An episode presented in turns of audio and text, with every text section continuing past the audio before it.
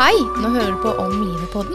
Og Om livet det består av en sexolog, en rosenterapeut, en coach, en psykolog og en forfatter som alle vil berøre deg i hjerte og sinn med kunnskap og erfaring på en ærlig, raus og modig måte. Hjertelig velkommen, og bli med videre.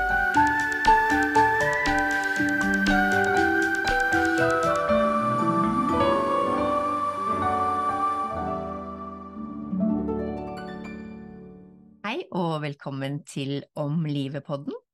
I dag er det meg, Bente Christensen, som sitter i studio, og jeg er så heldig å ha med meg doktor Tine Pohl.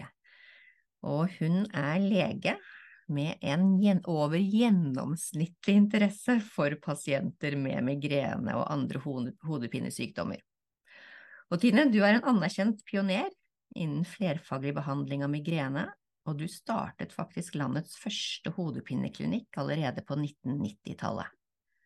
Og du har også jobbet ved Samvika nevrosenter, og du har vært fagansvarlig lege ved Volvat hodepinesenter som ble nedlagt under pandemien.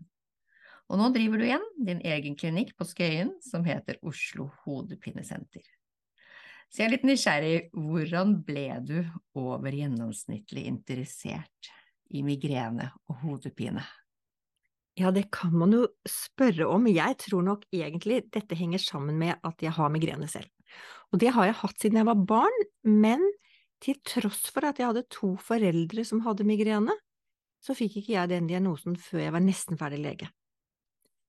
Og det er nok fordi at da jeg var barn, altså barn har jo ikke de samme ordene som voksne, og jeg kan huske tilbake at jeg sa at jeg hadde vondt i halsen, og jeg ble sett i halsen, ingenting galt, Nei, dette var nok bare hysteri. Og hvordan kan et barn på seks år vite at det heter å være kvalm? Det ordet hadde vel aldri jeg hørt, så Nei. jeg beskrev det som vondt i halsen. Og, eh, og, dette er jo noe jeg brenner veldig for også, at barn og unge skal bli hørt, fordi de har ikke samme måte å beskrive anfallene sine på, og de har også en migrene som er annerledes enn andre enn voksne har det, da. Så, så, det var, kanskje bunninteressen, og så har det vært mange tilfeldigheter opp igjennom. Jeg ble egentlig lege fordi jeg ville være kirurg. Eh, og så fant jeg ut av, i løpet av eh, noen år, at det var kanskje ikke saken for meg. Jeg ble kjent på sykehuset som hun som alltid kastet opp på morgenmøtene, fordi da hadde jeg så migrene etter å ha gått nattevakter. Uffa meg. og jeg må jo si, når jeg ser i dag hvordan legene sliter innenfor det offentlige på sykehusene, så er jeg jo veldig glad for at jeg ikke er der. At jeg har min egen praksis og kan gjøre som jeg vil, og jeg har jo en fantastisk hverdag. Og det er noe som heter at hvis du if you love what you do, you will never work a day in your life og jeg elsker jobben min. Ja, vet du hva, det vet jeg. Jeg tror, tror, ikke jeg kjenner noen som elsker jobben så høyt som deg, og som er så engasjert som deg. For jeg har jo kjent deg en stund, og vi har jo jobbet litt sammen fordi jeg har, eh, vi har holdt noen kurs sammen. Jeg har mm. hatt litt mindfulness for migrene- og hodepinepasienter. Og du virkelig brenner for jobben, og du gjør alt du kan for å hjelpe de som kommer til deg. Det er det ingen tvil om, i hvert fall. Ja, jeg har en spennende hverdag, og jeg må jo si at enhver ny pasient er på en måte en ny historie. Og, og, for de som liker å lese romaner, så blir det på en måte som å gå i gang med en ny roman. Da man følger de over tid, for dette er jo en kronisk lidelse som man ikke kan kurere. Så jeg har jo pasienter som jeg har fulgt gjennom 20-25 år. Ikke det at jeg ser det hele tiden og regelmessig alltid, men det kan gå mange år, så kommer de tilbake igjen. Fordi da er det noe nytt som har skjedd i livet deres, og så har de kanskje fått en oppblomstring og trenger mer hjelp. Eller at de leser om og ser at det har kommet ny behandling, og så tar de kontakt igjen. Og det er fantastisk, så jeg har det veldig hyggelig på jobb, da. Ja, jeg skjønner at folk syns det er hyggelig å komme til deg også. Men du, det mange lurer på er, hvordan vet jeg om jeg har hodepine eller migrene? Ja, jeg pleier å si at migrene er ikke hodepine. Migrene er en sykdom der hodepine bare er ett av symptomene. Det er så multifaktorielt, det er så, det er så sammensatt. Og eh, vi kan, vi kan, snakke litt etterpå om, om de forskjellige fasene og hva, hva, migrene består av, men aller først vil jeg si at det er noe som heter PIN-koden. Det er en liten test du kan ta, eh, som består av tre spørsmål. Og de tre, det er en screeningmetode. Kan den hodepinen jeg har, være migrene? Og den heter PIN, og det står for forophobia, indisposed og nausea. Altså, det første spørsmålet er eh, når du har vondt i hodet, er du var for lys? Har du vært det andre spørsmålet er, har du vært indisponert minst én gang siste tre måneder, vil si ikke fungert ordentlig på skole eller på jobb? Og tre, eh, i enden, det er altså kvalme, er du kvalm eller uvel når du har hodepine? Dersom du svarer ja på to av tre spørsmål her, så er det veldig sannsynlig at du har migrene. Svarer du ja på alle tre, ja da er det 98% sannsynlig. Og da skal du gå til legen. Ja, altså PIN-kode, rett og slett. Ja, PIN, forofobia, indisponert og nausea, kvalme. Det er de tre hovedsymptomene som man har sett internasjonalt. Altså man har gjort stor studie og sett at dette er liksom de tre hyppigste eh, symptomene på at den hodepinen du har, er migrene. Ok. Men så er det jo det at mange kommer da til legen, og så sier legen kanskje ja, dette er sikkert spenningshodepine, eller du får gå deg en tur da, liksom, eller eller at du, i de verste tilfellene som jeg har sett, det er jo, som vi faktisk ser ganske ofte, det er at man har fått et sånn spesifikt migrenemedisin, og så sier legen at ta den, og hvis den hjelper, så er det migrene, hvis den ikke hjelper, så er det ikke migrene, og det er ikke lov, det er helt feil. Legen skal stille diagnosen ut fra dine symptomer, med en grundig utspørring om hvordan du har det. Det fins ingen blodprøver, ingen røntgen, ingenting som kan vise at det er migrene, det er det du klarer å fortelle legen. Og det fins det hjelpemidler til. Ja, hva, har du noen anbefalinger? Ja, absolutt.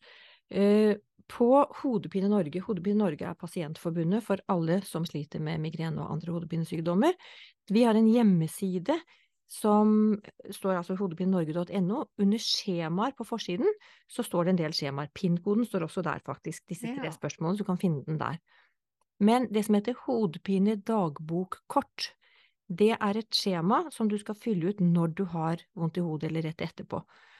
Og da gjør du det dag for dag når du har vondt i hodet, og tar med det til fastlegen din, og da går det nesten ikke an ikke å stille riktig diagnose, enten om det nå er migrene, eller om det er spenningshodepine eller andre typer hodepiner. Ja, for det finnes vel også enormt mange forskjellige typer hodepine, har jeg skjønt? Ja, ifølge de internasjonale kriteriene så har vi faktisk over 200 forskjellige diagnoser. 200! Oi. Men det er med alle undergruppene. Eh, og så er det jo sånn at den hyppigste årsaken til at noen går til lege med en tilbakevendende hodepine, vet du hva det er? Nei, Det er migrene. det er migrene, ja. Ja, ikke spenningshodepine. Selv om spenningshodepine er litt hyppigere i befolkningen, så er det noe man som regel klarer med reseptfrie medikamenter selv, eller litt ro og hvile eller massasje. Det er ikke noe man går til legen for som regel. Hvis du først er så dårlig at du går til legen, så er det oftest migrene. Ok. Og hvor utbredt er migrene? Godt spørsmål. Det er jo mange forskjellige befolkningsstudier da, som viser hvor mange som har det både på verdensbasis og, og i Norge. Vi har også mange norske studier på det, og det varierer mellom 700 000 og en million mennesker i Norge som har migrene. Og det blir liksom litt sånn fælt også å gå ut med de tallene, fordi det er jo ikke alle de som sliter. Noen kan kanskje ha ett migreneanfall i året, og trenger ikke å verken gå til legen eller få spesifikk behandling for det. Så, så det, det blir så overveldende tall, så det blir liksom sånn, ah ja, da har jo nesten alle det da, så da er det ikke noe å gjøre med. Men de som virkelig sliter, de skal ha riktig diagnose og riktig behandling. Ja, så noen kan faktisk ha ett anfall i året. Ja, eller mindre enn det, altså bare, har du hatt fem anfall i livet uten det som heter aura, så kan du få, så har du diagnosen migrene. Og du behøver ikke å få det så ofte. Eh, har du med aura, som er disse synsforstyrrelsene for eksempel, så skal du bare ha hatt to anfall i livet ditt for å få diagnosen. Ok. For da er det mer sikkert at det er det det er. Men, men det er jo ikke, selv om vi snakker om en million i Norge, så er det ikke alle de som er så veldig plaget. Det er ca. en tredjedel av de som har migrene som er veldig plaget. Og de skal ha diagnose og behandling. Riktig. Og de som er, altså har det aller verst, hvor ofte kan en få migrene? Ja, altså det er jo Man kan jo få det hver dag om man eh, er riktig uheldig. Vi har jo de som har eh, kronisk migrene, og, og det er ca. en prosent av befolkningen. Men eh, det er forskjellige definisjoner, da, eh, på, som også går på hyppighet. Fra null til åtte anfall i måneden heter episodisk migrene. Har du mer enn åtte anfall i måneden, fra åtte til 14, da heter det hyppig episodisk migrene. Men hvis du har åtte migreneanfall, men i tillegg litt spenningshodepine, så du alltid alt har 15 dager, altså annenhver dag i snitt, så heter det kronisk migrene. Det vil si, Bente, at En som har 14 migreneanfall i måneden, har en hyppig episodisk, men en som har hodepine 15 dager, hvor bare 8 av de er migrene, heter kronisk migrene. Og dette er litt viktig fordi det er forskjellige rettigheter innenfor behandlingen, hva man får på blå resept. Om du har kronisk migrene, altså med åtte migreneanfall, eller om du har en hyppig episodisk på 14, for de får ingenting, mens de som har kronisk, Oi. de får alt. Okay. Og her er det en missing link et eller annet sted, og dette er noe Hodepine Norge også jobber med, at vi skal sånn politisk skal prøve å få øynene opp for at de som har 14 migreneanfall i måneden, faktisk sliter kanskje vel så mye som de som har 8. Ja, riktig. Jeg vet at du engasjerer deg veldig i disse tingene. Ja, veldig. Ja, veldig. Virkelig. Men det er jo viktig, fordi dette er fremtiden. Og jeg tror at eh, om noen år så er det uetisk ikke å behandle de som har hyppig episodisk, før Altså, hvorfor skal vi vente til pasienten blir uføretrygdet før vi får lov å behandle? Og hvis du først er blitt kronisk, ja, da går du mot uf- uføretrygd. Og Nav, er du klar over hva Nav bruker per år på migrenepasienter? Nei. 1,6 milliarder i 2021. 1,6 milliarder kroner bare til de som har migrene. Og det er en tredjedel til sykepenger, til arbeidsavklaring og til uføretrygd. Det kunne vært spart mye av dersom vi hadde fått lov å behandle før de ble uføre, Ja. og før de ble arbeids... altså før de ble sykemeldt. Hvis vi fikk lov å gå inn og behandle disse pasientene spesifikt litt tidligere, så tror jeg vi kunne fått ned det tallet enormt. ja. For behandling, det finnes jo heldigvis behandling, ikke sant? Jo, det finnes god behandling, altså verden går jo videre, og for 30 år siden når jeg begynte med migrenebehandling eh, av pasienter, så, så hadde vi jo ikke så mye annet enn anfallsmedisin og, og litt sånn, eh, ja, liksom sånn beta-blokker og litt sånn som en brukte den gangen, litt, eh, litt eh, tablettbehandling, forebyggende, eh, mens i dag så har vi jo mer moderne behandlingsmetoder som gjør at veldig mange kan få et bedre liv. Ja. Og er det noe en kan få av fastlegen sin? Nei, men fastlegen kan henvise til det. Altså fastlegen eh, skal 90% av alle hodepinepasienter skal behandles hos fastlegen. Når fastlegen da enten A det er så komplisert at ikke de kan stille diagnosen, eller at de har behandlet en kronisk migrene med gammeldagse forebyggende medisiner og prøvd tre forskjellige som de nå skal, så kan de henvise til spesialist for å få mer moderne behandling. Så fastlegen må liksom gjøre grunnjobben.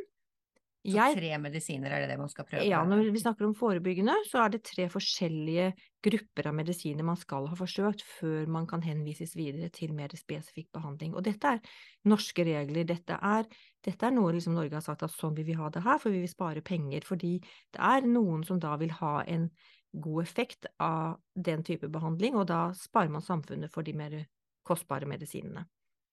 Eh, og der, er det der sliter vi jo litt, for det er vel ca.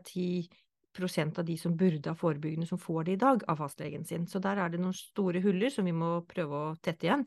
Prøve å, å, å få fastlegene til å være flinkere til å gi forebyggende behandling. Ja, riktig. Mm. Og også be, altså få pasienter til å be om det. Altså, du skal vite når du skal ha det. Hvis du har mer enn to til tre migreneanfall i måneden som går utover funksjonsevnen din, da skal du snakke med legen din om forebyggende behandling. Ja. To til tre. Og så vil det kanskje variere litt hvor mye fastlegen din vet om disse tingene også?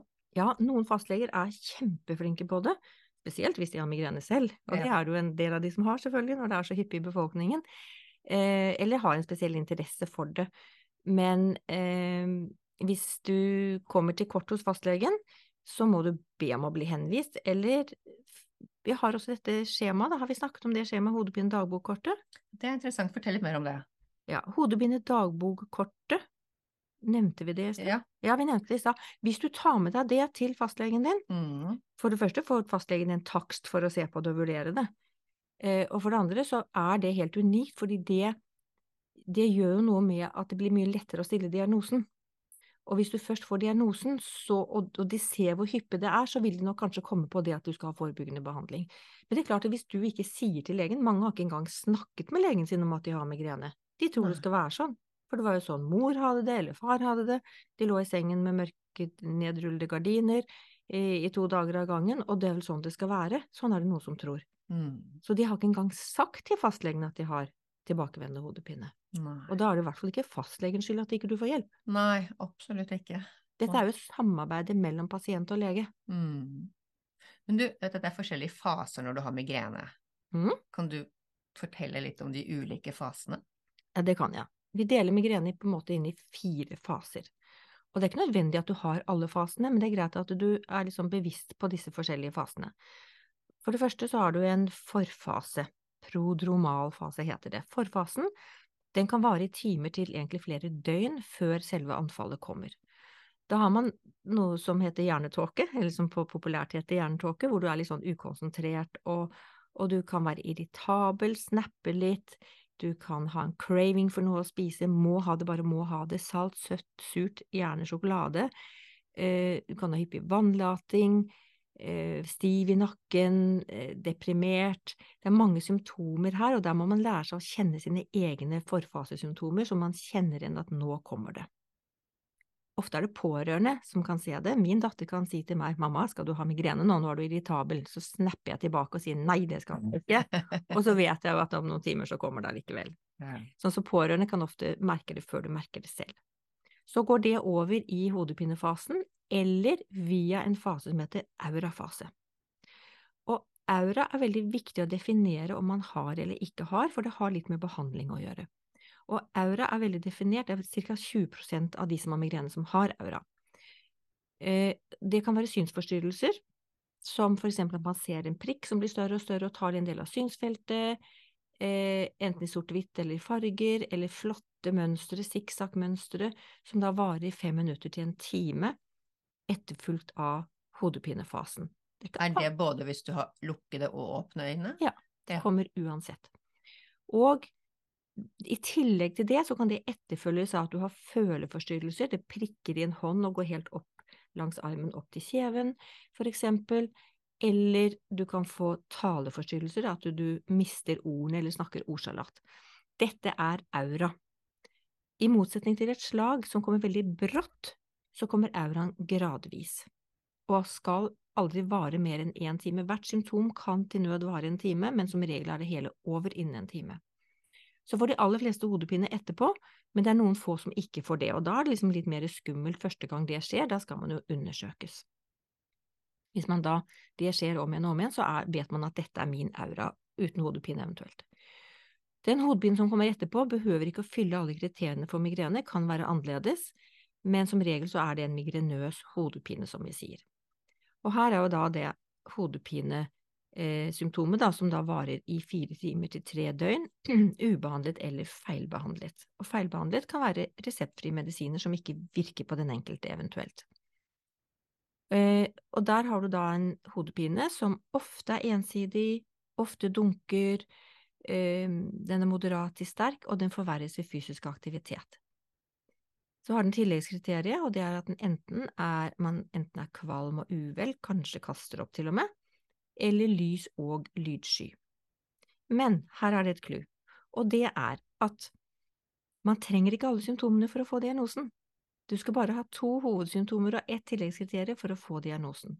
Her er det mange som tar feil, også blant legene som tror at den må dunke, det må være ensidig. Nei, det må ikke det hvis du har de andre plagene. Så her er det viktig at man da bruker denne hodepinedagboken, som jeg sier, og krysser av hva man har, for da kan man lettere se om man fyller kriteriene. Så til sist så er det etterpåfasen, og etterpåfasen, det er en fase hvor du er batteriene er tomme, rett og slett. Du føler deg sliten, du kan fortsatt være irritabel, fortsatt ha nakkesmerter, eller man kan være veldig oppstemt. At nå er anfallet endelig over, og det kan også vare inntil et døgn. Og så kommer det man sier den interiktale perioden, perioden mellom anfallene. Mange er veldig påvirket der også, fordi de er engstelige for det nye anfallet. Det er en helt annen sak. Men selve migrenen har vi nå gått gjennom med de fire fasene, hvor man altså ikke må ha alle faser for å få diagnosen, men det er veldig vanlig å ha i hvert fall forfase, hodepinefase og etterpåfase. Ja, riktig. Og når en da, da merker, hvis en er bevisst da, og klarer å legge merke til at nå kommer det antageligvis, hva bør en gjøre da? Ja, vi skal jo snakke litt om det tverrfaglige, eh, her, og, og tilbake til tverrfaglige. Da jeg startet på Sjølyst, den første hodepineklinikken eh, som du snakket om, på 90-tallet, så sa jeg nei, nei, nei, vi må gjøre én ting av gangen, ellers vet vi jo ikke hva som virker. Og vi kommer jo aldri til målet. Og da begynte jeg det tverrfaglige samarbeidet, Mm. ikke sant, for jeg ser jo det at det er ikke bare å gi en pille, ikke sant, altså det er alt det rundt det også. Vi er nødt til å snakke om triggerfaktorer, vi er nødt til å, å, å gjøre noe med livet vårt, rett og slett, og tilrettelegge litt, og, og jobbe tverrfaglig med dette her. Så ehm, hva har du spurt om igjen, Bente? Uh, ja, hva spurte jeg om? Hva, hva gjør en når en da kjenner at uh, nå, kom, nå er jeg irritabel, Ja. nå er jeg sint? Ja, eh, ikke sant? I den der forfasen, da er anfallet i gang.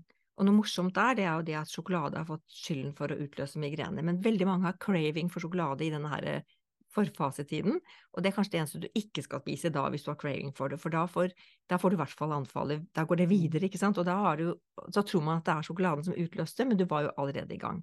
Men det er faktisk mulig å stoppe anfallet der for noen, ikke sant, at man A, enten bruker mindfulness, eh, biofeedback, at man, at man stresser ned i den tiden, kanskje legger seg nedpå med en kald klut, stopper det man holder på med. Mange blir sittende og scrolle på PC-en og får det ikke med seg engang, altså at man bare fortsetter med det man gjør, men brems, stopp. Og eventuelt også bruk medisinene med en gang du kjenner smerten kommer, så tar du de medisinene du skal bruke. ja, At du er litt tidlig ute, du ikke venter for lenge med det. Ja, riktig. Ja, for det er viktig. Vi har jo, jeg har jo som sagt vært og holdt litt kurs eh, her og sammen med, med deg, og det går jo ofte på stressmestring og bruke mindfulness for å roe ned. Og, eh, for vi vet jo det at eh, stress er vel kanskje den største triggeren. Ja, det er den aller, aller hyppigste triggeren til å få anfall, det er jo stress og etter stresset.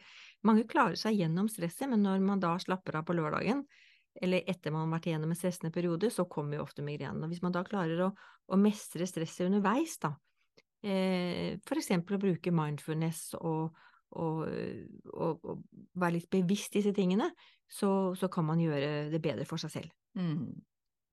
Ja, det er veldig spennende, veldig interessant. Det er en del andre triggere vi ikke kan gjøre noe med.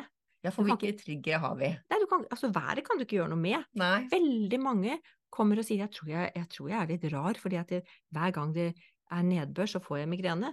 Nei, du er ikke rar i det hele tatt, det er helt normalt. Altså, veldig mange reagerer på vær. Eh, hyppige triggere er jo også hormonelle endringer hos kvinnen eh, i syklus, eh, for eksempel, men også eh, alt fra når du får menstruasjon første gang, til du begynner med p-piller, til du blir gravid, kommer overgangsalderen. Alle disse endringene eh, kan jo være utløsende for migrene. Og alkohol er en veldig hyppig trigger. Den kan du styre selv. den kan, ja, den kan du styre selv, til en viss grad. Til en viss grad. Det er ikke alltid så lett. Den kan du styre selv. Jeg tror ikke jeg har noen pasienter som er alkoholikere, fordi at eh, altså, man har så mye vondt i hodet fra før at man orker ikke å pådra seg selv mer. Så de aller fleste krysser av på at de nesten ikke drikker alkohol, rett og slett. Ja. Eh, søvnmangel eh, kan man jo si man kan styre selv, men jeg har mange som jobber nattevakter og nattskift, og det er ikke så lett å, å eh, styre det da hvis man har en jobb som innebærer det. Man skal kanskje velge en annen type jobb, rett og slett. Eh, sult, spise regelmessig. Det er en del triggere man kan gjøre noe med. Mm, mm. ja, det er bra. Det er interessant det du, når du snakker om hormonelt. Eh, nå vet jeg at jeg har ofte hørt at migrene er en slags kvinnesykdom, men det er jo egentlig ikke det. Egentlig og egentlig ikke. Jo, altså Hva er en kvinnesykdom? Det er en sykdom som rammer kvinner hyppigere enn menn, og kanskje litt annerledes. Og der fyller vi kriteriene. På, Ja, for det er flere kvinner som er rammet enn menn, det er det. Tre ganger så mange kvinner som menn. Det er altså 18% av kvinner, men da er det også 6% av mennene. Så 6% av menn i Norge har migrene. Og for de 6 så er det litt synd at vi kaller det en kvinnesykdom, for de føler seg litt sånn Ja, vi hadde nå en kampanje hvor vi gikk ut med at det var en kvinnesykdom i Hodepine Norge, og da var det en som skrev inn og sa ja, jeg er liksom dame, jeg er da. Eh, så, så det blir liksom enda mer stigmatiserende for de mennene som har migrene, fordi vi kaller det en kvinnesykdom. Og det er litt sånn det ligger i politikken, det er sånn politisk korrekt å kalle det en kvinnesykdom, fordi det nå fokuseres på det. Kvinner har også en litt annerledes migrene enn menn, eh, fordi vi har de hormonelle svingningene. Den har litt lengre varighet, den er litt sterkere ofte, men menn kan være forferdelig plaget også. Jeg har mange menn på klinikken som er fryktelig plaget av migrene. Mm. Du, de fleste som får migrene, oppstår det tidlig i livet eller senere? Morsomt at du spør om det når vi nå snakker om menn og kvinner, for det er en Ja. forskjell der, skjønner du. Eh, guttebarn får det hyppigere enn jentebarn. Altså gutter i førskolealderen er litt eh, hyppigere rammet enn jenter, og gutter kan faktisk vokse det av seg. Å ja. Det gjør ikke jentene. Jentene får det oftest i puberteten, altså når menstruasjonen starter, så begynner migrenen, og så har de det syklusbetinget ofte, eh, og de har det gjerne resten av livet. De kan bli bedre etter overgangsalderen, altså verre i selve overgangsalderen, og så kan de bli bedre etter menopause, men ikke nødvendigvis bra. Eh, Så det er en veldig forskjell på det, men det kan altså ramme helt fra barnealder. Etter du har fylt 50, så får du nok ikke migrene. Det, får du noen migrenesymptomer etter fylte 50 år, så skal du i hvert fall undersøkes skikkelig, for det er veldig sjeldent. Så det er, det er jo de årene hvor vi er yrkesaktive, de årene hvor vi skal etablere, vi skal få utdannelse, etablere familie, få barn, eh, ha en karriere, det er de årene som disse pasientene er rammet. Ja, og der tenker jeg at arbeidsgivere kanskje kan bli litt bedre også til å tilrettelegge og ta vare på og få en større forståelse for hvordan det er for de som faktisk er rammet av uh, migrene. Jeg har inntrykk av at det er en del som ikke helt skjønner det. Og tenker kanskje at du er lat og hallo, ta deg sammen, eh, dette klarer du. Ja, det er jo veldig stigma rundt det enda, og, og ja, det er veldig mye arbeidsgiverne kan gjøre. Vi i Hodebyen Norge, vi kårer hvert år eh, årets eh, bedrift som er best på å hjelpe de med hodepine. Oi, så bra! Ja, ja, så du kan nominere din bedrift hvis du jobber et sted hvor du føler at du blir tatt vare på, hvor det blir tilrettelagt for deg, så kan du nominere, skrive inn til Hodepine Norge, så, så blir den bedriften eh, eh, da kan vinne. Oi! I fjor så var det Nordea, okay. og året før det så var det NTNU, eh, en avdeling på NTNU som faktisk vant. Så gøy! Ja da, så, så vi holder på. Ja, men Ja. hva burde, har du noen tips til hva arbeidsgivere kan eh, Ja, altså jeg tror kanskje det aller, aller viktigste er å bli sett og trodd. mm, At man ikke blir mistrodd. Eh, og at man selvfølgelig tilrettelegger med at får du anfall på jobb, så kan du ha et sted hvor du kan legge deg nedpå og ta medisinene dine, for ofte hvis du får tatt i tide, så kan det være bra i løpet av en time å fortsette å jobbe. Venter du for lenge, mange venter til de da kommer hjem fordi de ikke tør å kjøre bil når du tar medisiner osv. Altså får du tatt det med en gang, så kan du faktisk til og med jobbe resten av dagen og kjøre hjem. ja. Eh, ikke sterkt lys, at man ser litt på lysforhold, på lydforhold.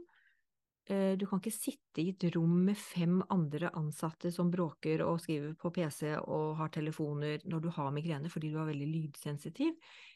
Eh, tilrettelegge med litt fleksitid, eh, mulighet for hjemmekontor en dag i uken hvis du har behov for det. Altså, det er så mange ting som kan gjøres for den enkelte, men det å bli sett tror jeg er det Mm. aller viktigste, å bli trodd. Å bli trodd, ja, ja. absolutt. For jeg tror det, er i hvert fall hørt en del som sier at de føler at de ikke blir trodd.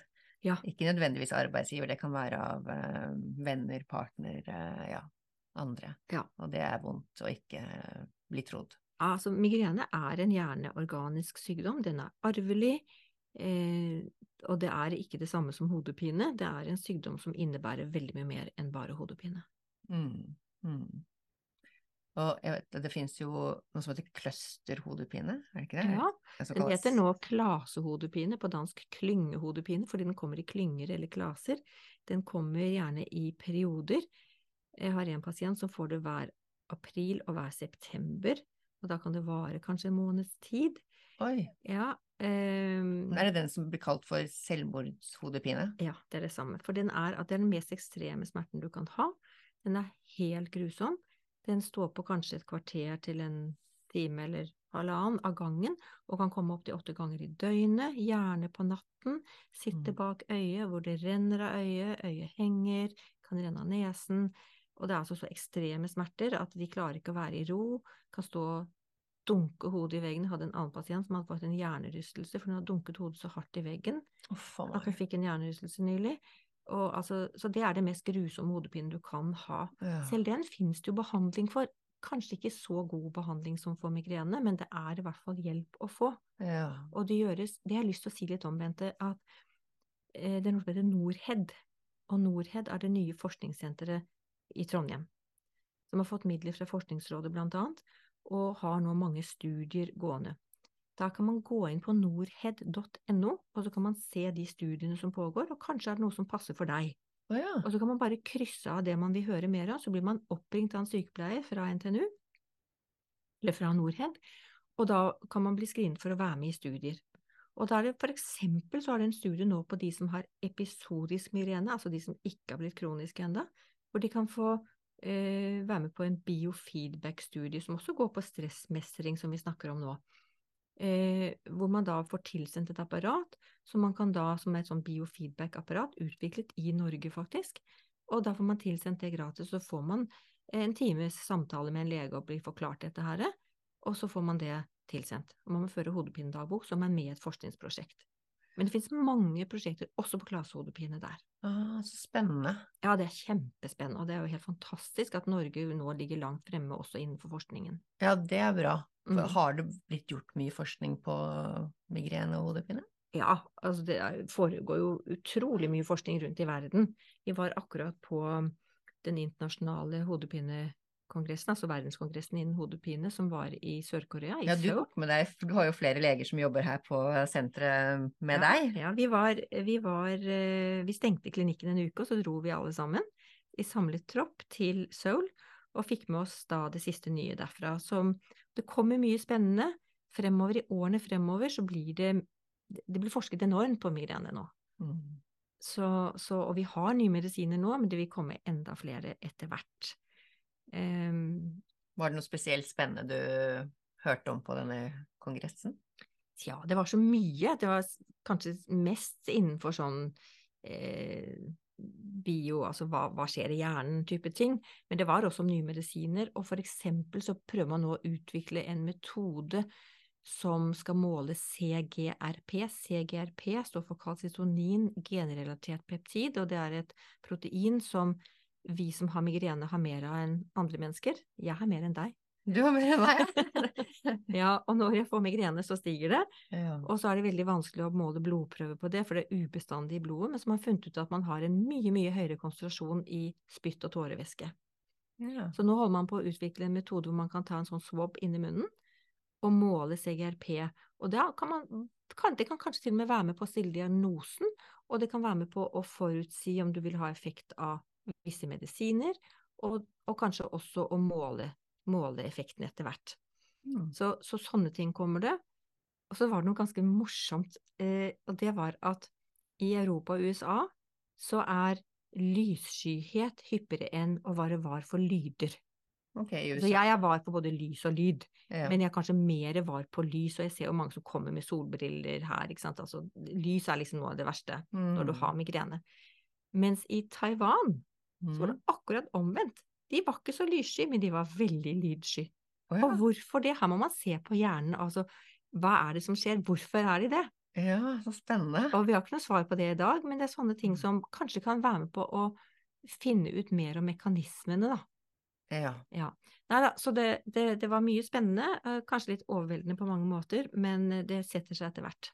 Ja. Aldri, Ja, for jeg ble glad for du nevnte jo det med at dere snakket om mindfulness, at det var en, eh, et fint verktøy eh, å bruke, så jeg ble veldig glad for det, siden det er, Ja. er noe av det jeg driver Ja, med ja, og det var jeg også veldig glad for. Altså, altså det, som er, eh, det som er dokumentert, er jo kognitiv terapi, og også dette med mindfulness. Det var en, det var en kvinnelig lege fra North Carolina i USA som hadde gjort mange studier på dette nå opp igjennom, helt fra 2014 hadde hun holdt på med dette her. Og etter at den første pilotstudien var gjort på mindfulness, som viste god effekt da, så skulle hun gjøre en større studie og, og la ut på sosiale medier, og skulle avertere etter pasienter som skulle være med på dette her i det lille området hun bodde. Og der var det på kort tid over én million som hadde klikket inn og vært interessert Oi, oi, oi. En million, ja. Og det viser, men vent, det viser bare at det er interesse for det. Ja. Sånn at det er interesse for mer enn bare pillene. ja. At man må, og da jeg startet på Sjøle, så sa jeg det der med at vi må gjøre én ting av gangen, som vi Mm. aldri kom til målet, som jeg sa.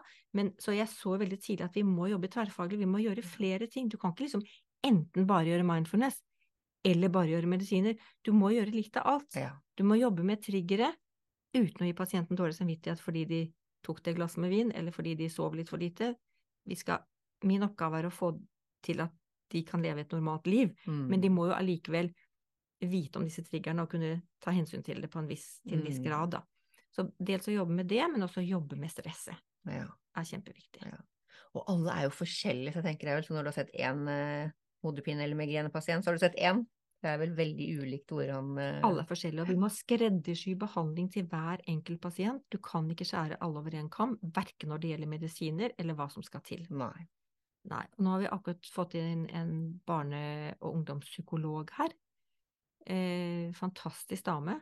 Som, for vi, vi sliter veldig med at vi har Altså vi, vi sliter ikke, men vi har mange barn som sliter. Barn og ungdom som sliter, som ikke går på skolen. Og du vet at når du ikke går på skolen, så kommer du ut av det sosiale miljøet også veldig fort. Så de Mm. blir isolert. Og hvis ikke vi gjør noe med de, så ender de på feil side av Nav-døren, som jeg sier. ikke sant? Da får de ikke utdannelse, og så, så blir de tapere. Så vi må hjelpe disse barna.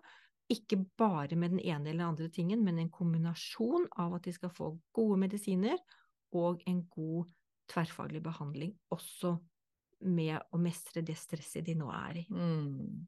Ja. Det er det jeg liker så godt med det, at du alltid har vært så opptatt av helheten. Ja, jeg Mm. er opptatt av helheten. Og, og se hele mennesket, og, og se at det er mer i det. Fordi migrene er så multifaktorelt, og jeg merker jo på meg selv, jeg, Bente, at hvis jeg jobber utover natten, som jeg elsker å gjøre, Mm. da kan det være garantert at jeg våkner med migrene. Ja. Jeg tar en kalkulert risiko, men jeg nyter når det er helt stille på telefonen, kommer ikke inn flere mailer, ikke flere distraksjoner, jeg kan virkelig få skrevet det foredraget, Mm. eller gjort det jeg skal, og legger meg klokken tre kanskje, tror du jeg har migrene våkner igjen. Ja. Eller hvis jeg er veldig stressa og har for mye å gjøre, men de dagene jeg liksom får en pust i bakken, og jeg har klart å legge den i min hverdag, litt pusterom innimellom, litt pauser i løpet av dagen, eh, pauser i løpet av uken, jeg kan kanskje ha en dag hvor jeg jobber bare halvt, eller hvor jeg ikke jobber i det hele tatt, Mm. at jeg kan flekse til, og jeg begynner aldri før klokken ti. Nei, det er bra. Ja. Mm. Eh, jeg vil ha den roen om morgenen, jeg vil kunne puste litt og på en måte ha, ha litt fred og ro om morgenen. Og en annen ting i det, det er jo det at hvis jeg nå våkner med migrene, så, kan jeg, så er jeg ikke noe redd for ikke å komme på jobb. For jeg vet at jeg, jeg har vekkerklokken på klokken syv hver morgen. Hvis jeg har migrene da, så tar jeg medisin. Jeg har det liggende på nattbordet. Tar jeg sprøyten min, legger meg nedpå igjen, setter på vekkerklokken og legger meg ned og sover litt til, og så står jeg på så klarer jeg å være borte på jobben til klokken ti. Ja, og da fungerer du greit? Ja, jeg fungerer greit. Altså, jeg kjenner Ja. jo at jeg har hatt migrene, men jeg er smertefri, jeg kan klare jobben min. Mm. Så det er ekstremt sjelden nå med nye forebyggende medisiner at jeg behøver være borte fra jobben. Ja. Så jeg har et helt annet liv i dag, men, men, men det med å tilrettelegge tror jeg kanskje det er noe av det aller, aller viktigste. Mm. Det er, ikke, det er jo ikke alle som kan begynne klokken ti. Nei, nei, nei, nei. Noen må til og med jobbe på natten. Ja. Mm. Og derfor er jeg så glad for at jeg har den jobben jeg har, og kan gjøre som jeg vil. Mm. Og jeg rådgir også mange unge innenfor yrkesvalg hva de bør og hva de ikke bør særlig. Ja. Jeg tror vel kanskje noen av de jeg har måttet uføretrygde flest av, er i en spesiell kategori. Kan du tenke deg hva det er? Noen som jobber på natten? Noen som jobber i barnehage? I barnehage. Kan du tenke deg noe verre? Småskole og barnehage, med masse søte barn som skriker og hyler, og du sitter med migreneanfall og har lys og lydsky og helt altså Nei, altså det, det er en veldig vanskelig jobb når du har migrene. Ja, Ja, ja, det skjønner jeg. ja. Og jeg har svart eh, unge på nett i veldig mange år. Før så het det Nettby, nå heter det bufdirsung.no. Og jeg svarer på hodepinespørsmål. Og særlig på Nettby, det var kanskje litt yngre enn de som er nå på Ung.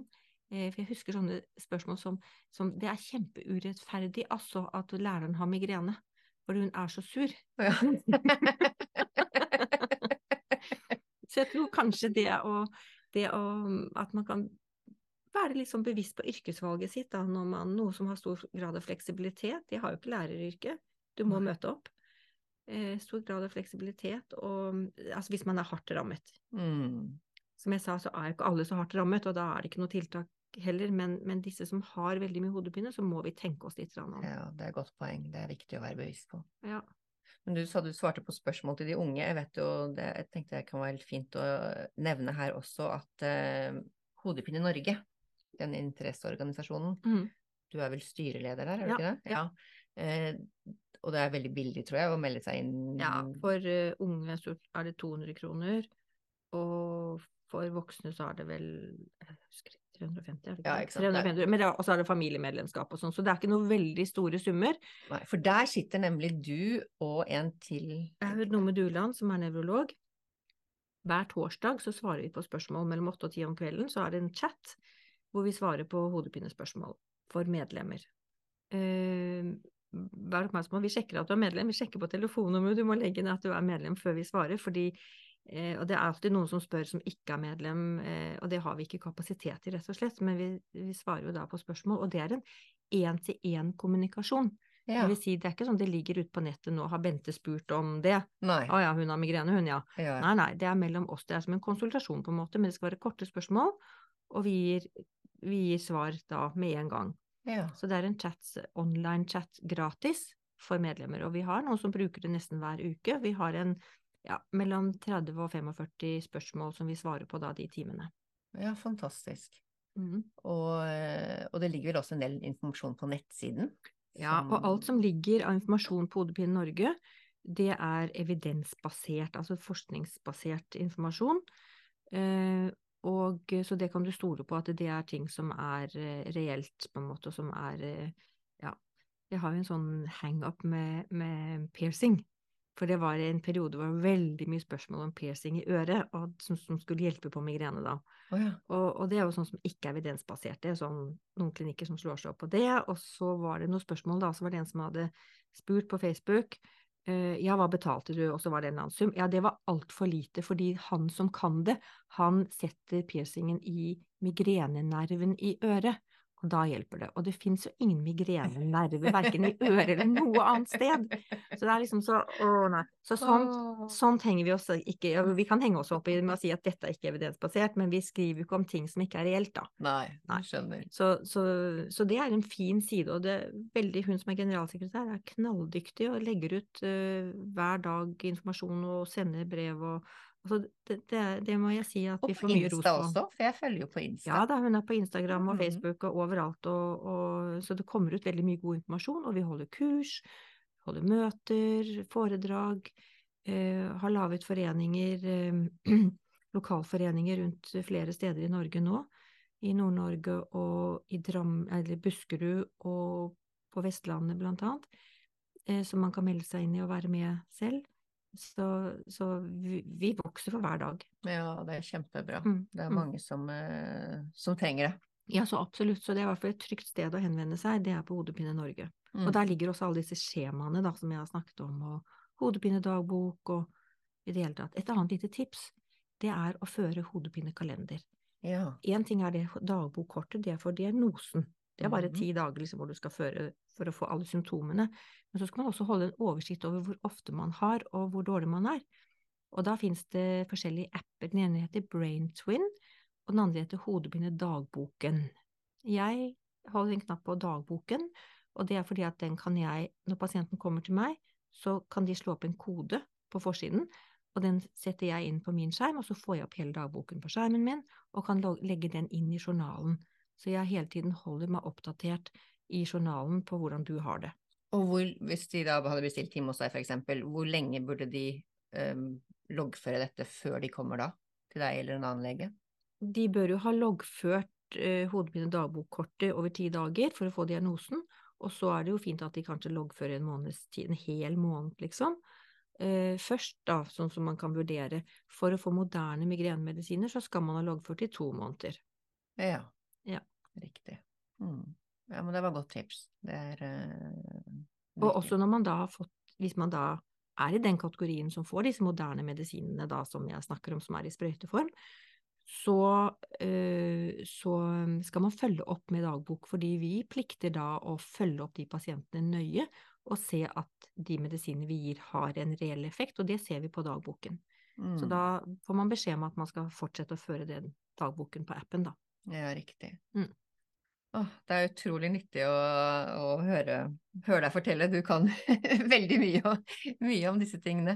Jeg er veldig heldig, for jeg har jo ikke migrene og har jo heller ikke hodepine. Bank i bordet. Ja, Du er en av de få, fordi de aller fleste rammes jo av en eller annen form for hodepine i Ja. av livet på en eller annen måte. Eh, Det er noen få som aldri har hodepine, Mm. og det, det kan du prise deg lykkelig for. Ja, jeg har faktisk aldri tatt en Paracet for hodepine eller Ibux eller hva man tar. Jeg er utrolig heldig. Jeg har andre plager, Mm. men hodepine har jeg faktisk sluppet unna. Men jeg har jo jobbet med mange som sliter med det, så jeg har jo veldig full forståelse for at Ja. dette her er kjempetøft for mange. Ja. Og det er så viktig å få informasjon, eh, sånn at en også kan ta tak i det og gjøre noe med det. Ja, og det vil jeg si, altså det er jo, opp til jeg sa i stad, det at det er jo ikke sikkert at eh, legen din engang vet at du har hodepine, så du må jo begynne et sted med å fortelle legen at du sliter med en tilbakevendende hodepine, Mm. og så eh, be om å få vite hva det er, altså kreve å få en diagnose på det, sånn så at du får den diagnosen da, enten om det er migrene eller spenningshodepine eller klasehodepine eller, eller en av de andre hodepineformene. Mm. Og det aller meste kan jo behandles. Ja. Eh, til en viss grad i hvert fall. Man skal i hvert fall kunne leve et bedre liv enn uten behandling. Mm.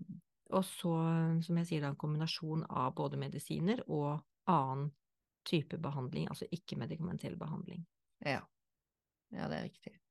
Er det noe vi har glemt nå, eller som Altså, vi kunne selvfølgelig snakket her i mange Ja, ja, timer. vi kan sitte og snakke, vi, vet du. Men er det noe du tenker at vi uh, kanskje skulle hatt med i dag, som vi har glemt? Jeg føler at vi har vært innom ganske mange temaer nå. Ja, jeg tenker jo heller, Bente, at det kunne vært morsomt å komme på en annen gang og snakke videre. Snakke om barn og ungdom, for eksempel, eller Ja. ja, eller snakke om terapihunden min som jeg har med meg på jobben hver Ja, dag. vi sitter jo her på, på jobben din, og vi har en liten terapihund Sina, av, så jeg var veldig spent på om det ville bli noe bjeffing her, men det har Ja, ikke nei, blitt det. nei da, så lenge vi eh, holder på, så holder hun seg i ro, hun, vet du. Hun gjør det. Ja. Ja. Nei, men det hadde vært veldig fint å komme og, og snakke om andre temaer senere. Og et annet tema som kunne vært også fint å snakke om, det er jo kvinner og hormoner og migrene, altså, for det er et spennende tema. Alt Det det man kan gjøre for å, for å behandle det og, og, og, og tilrettelegge. Vet du hvor mange dager kvinnen blør gjennom livet sitt, altså menstruasjonsblødning? Nei. Det har jeg regnet ut en gang. okay. Da kommer jeg til 5,2 år.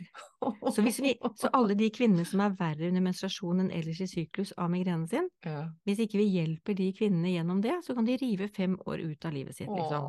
Åh. Skjønner du? Ja, Så det, det er et viktig tema. det er et spennende tema. Det, Ja. ja. Og der kan vi gjøre mye forskjellig. Ja, ikke sant. Du og jeg skal, vi skal jo til og med arrangere en, eh, en retreat i Spania sammen, vi, neste år. Ja, vi har arrangert. Vi har allerede satt opp en tur, ja. Ja. I slutten av mai, faktisk. En uke til eh, Villa Dorothea heter det. Fantastisk villa hvor vi skal bo i en uke. Og ja, det er for folk med migrene og hodepine. Ja, og ha med, oss, ha med oss de. Ja, da kan ha med seg pårørende også. Det gleder jeg meg veldig til. Da. Og da får vi snakket masse, da. Da får vi snakket masse mer. Ja, da får vi snakket masse og, og gjort øvelser og pustet og gått litt tur og- og mindfulness. Og, Og det er mulig å få massasje der òg, er det ikke det? Ja da, det er det også, vet du. Sunn mat. Sunn mat er det. ja, det blir bra. Ja, jeg gleder meg. Ja, så bli med på det, dere. Det Ja, blir kjempefint. det blir veldig gøy. Ja. Men det her var kjempenytt, og jeg er sikker på at det er mange som eh, sitter her og hører på og sender en stor takk til, eh, til deg som tok deg tid til å eh, dele av din kunnskap med oss. Ja, og jeg takker deg som inviterte meg til å dele. Det har vært kjempehyggelig. Da satser vi på at vi får lagd en ny episode om ikke så altfor lenge. Det hadde vært hyggelig. Så tusen takk!